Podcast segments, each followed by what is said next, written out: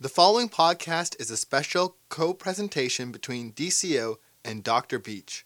For more information on this topic and others, please visit reachdrbeach.com or visit his YouTube channel at reachdrbeach or Googling Reach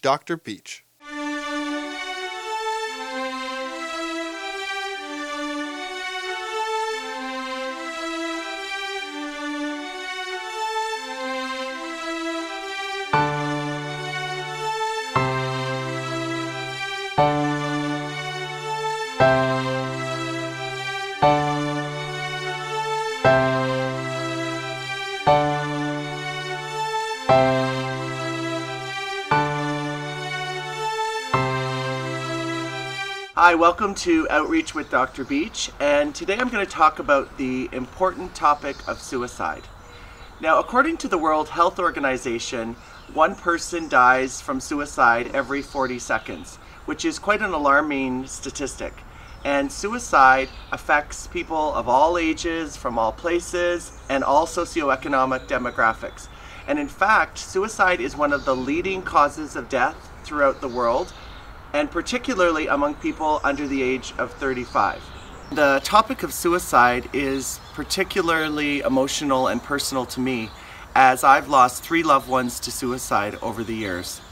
And I recall in each of those cases experiencing a host of emotions ranging initially from shock and disbelief to overwhelming sadness and grief, and then to anxiety um, as to whether there's anything I might have been able to do uh, to see the suicide coming or prevent the suicide from happening.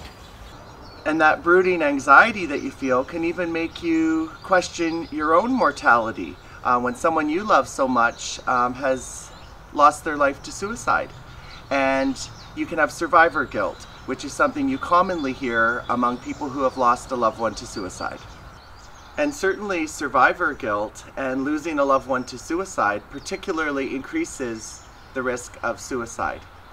Now, of course, suicide, as I mentioned, affects people throughout the world. There is a particularly heightened risk among people who have mental health challenges. And the mental health challenges that increase the risk of suicide run the whole gamut from depression to certain types of anxiety uh, for example, trauma or post traumatic stress disorder, uh, particularly substance use, uh, schizophrenia, or people who have psychosis, and then people who have certain coping styles or personality styles that make them at a heightened risk of suicide. Uh, fortunately, there's been an abundance of research on suicide over the years, which can help you and I better understand what places someone at a higher risk of suicide, and by contrast, what are those factors that can protect or reduce the risk of suicide? Now, some of the factors are more static, meaning they don't change, yet we ought to keep them in mind because they continue to heighten the risk of suicide. Examples of those would be males compared to females. Now, interestingly, females actually attempt suicide much more often than males. However, males are much more likely to complete suicide. And our best understanding of that is that males compared to females tend to choose more lethal means, like hanging or firearms, whereas on average, women are more likely to, to engage in cutting or overdoses.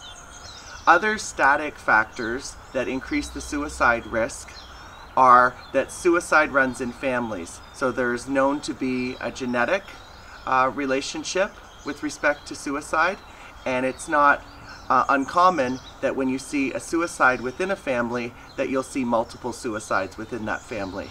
So that could be genetic, or as I mentioned previously, that could be due to the increased risk of, for example, losing a parent or a child to suicide and the associated grief or increased risk that stems from that.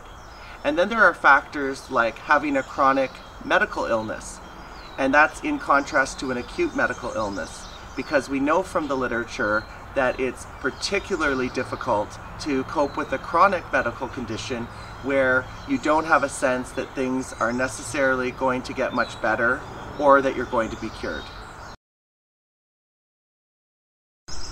So, what can we do to help ourselves or a loved one who's struggling with suicidal thoughts. One of the first things to do is to explicitly ask other people whether or not they're having suicidal thoughts and to validate someone and normalize what they may be going through. So, for example, you could ask, Hey, Johnny, if that were actually his name, I can imagine, given what you've gone through recently and how you're feeling, that it would be only natural that at times you might feel hopeless or helpless or even that life's not worth living. And it's important that we ask explicitly about suicide because it can seem natural to shy away from that topic.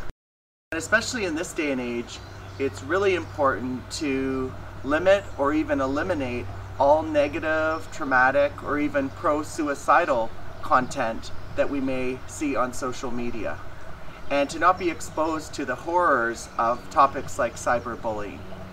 And it's also important that if we or a loved one is suicidal, that we're very assertive in helping that person remove access to lethal means like firearms or ensuring that someone hasn't stockpiled medications that could result in an overdose. And it's important to remember that there are effective treatments available and that brighter days are ahead. And look, the sun just came up and it doesn't have to hurt this bad. And those treatments range from individual to group or even family treatments, and they can be a combination of various talk therapies or medication therapies, uh, where medications can help to alter brain chemistry.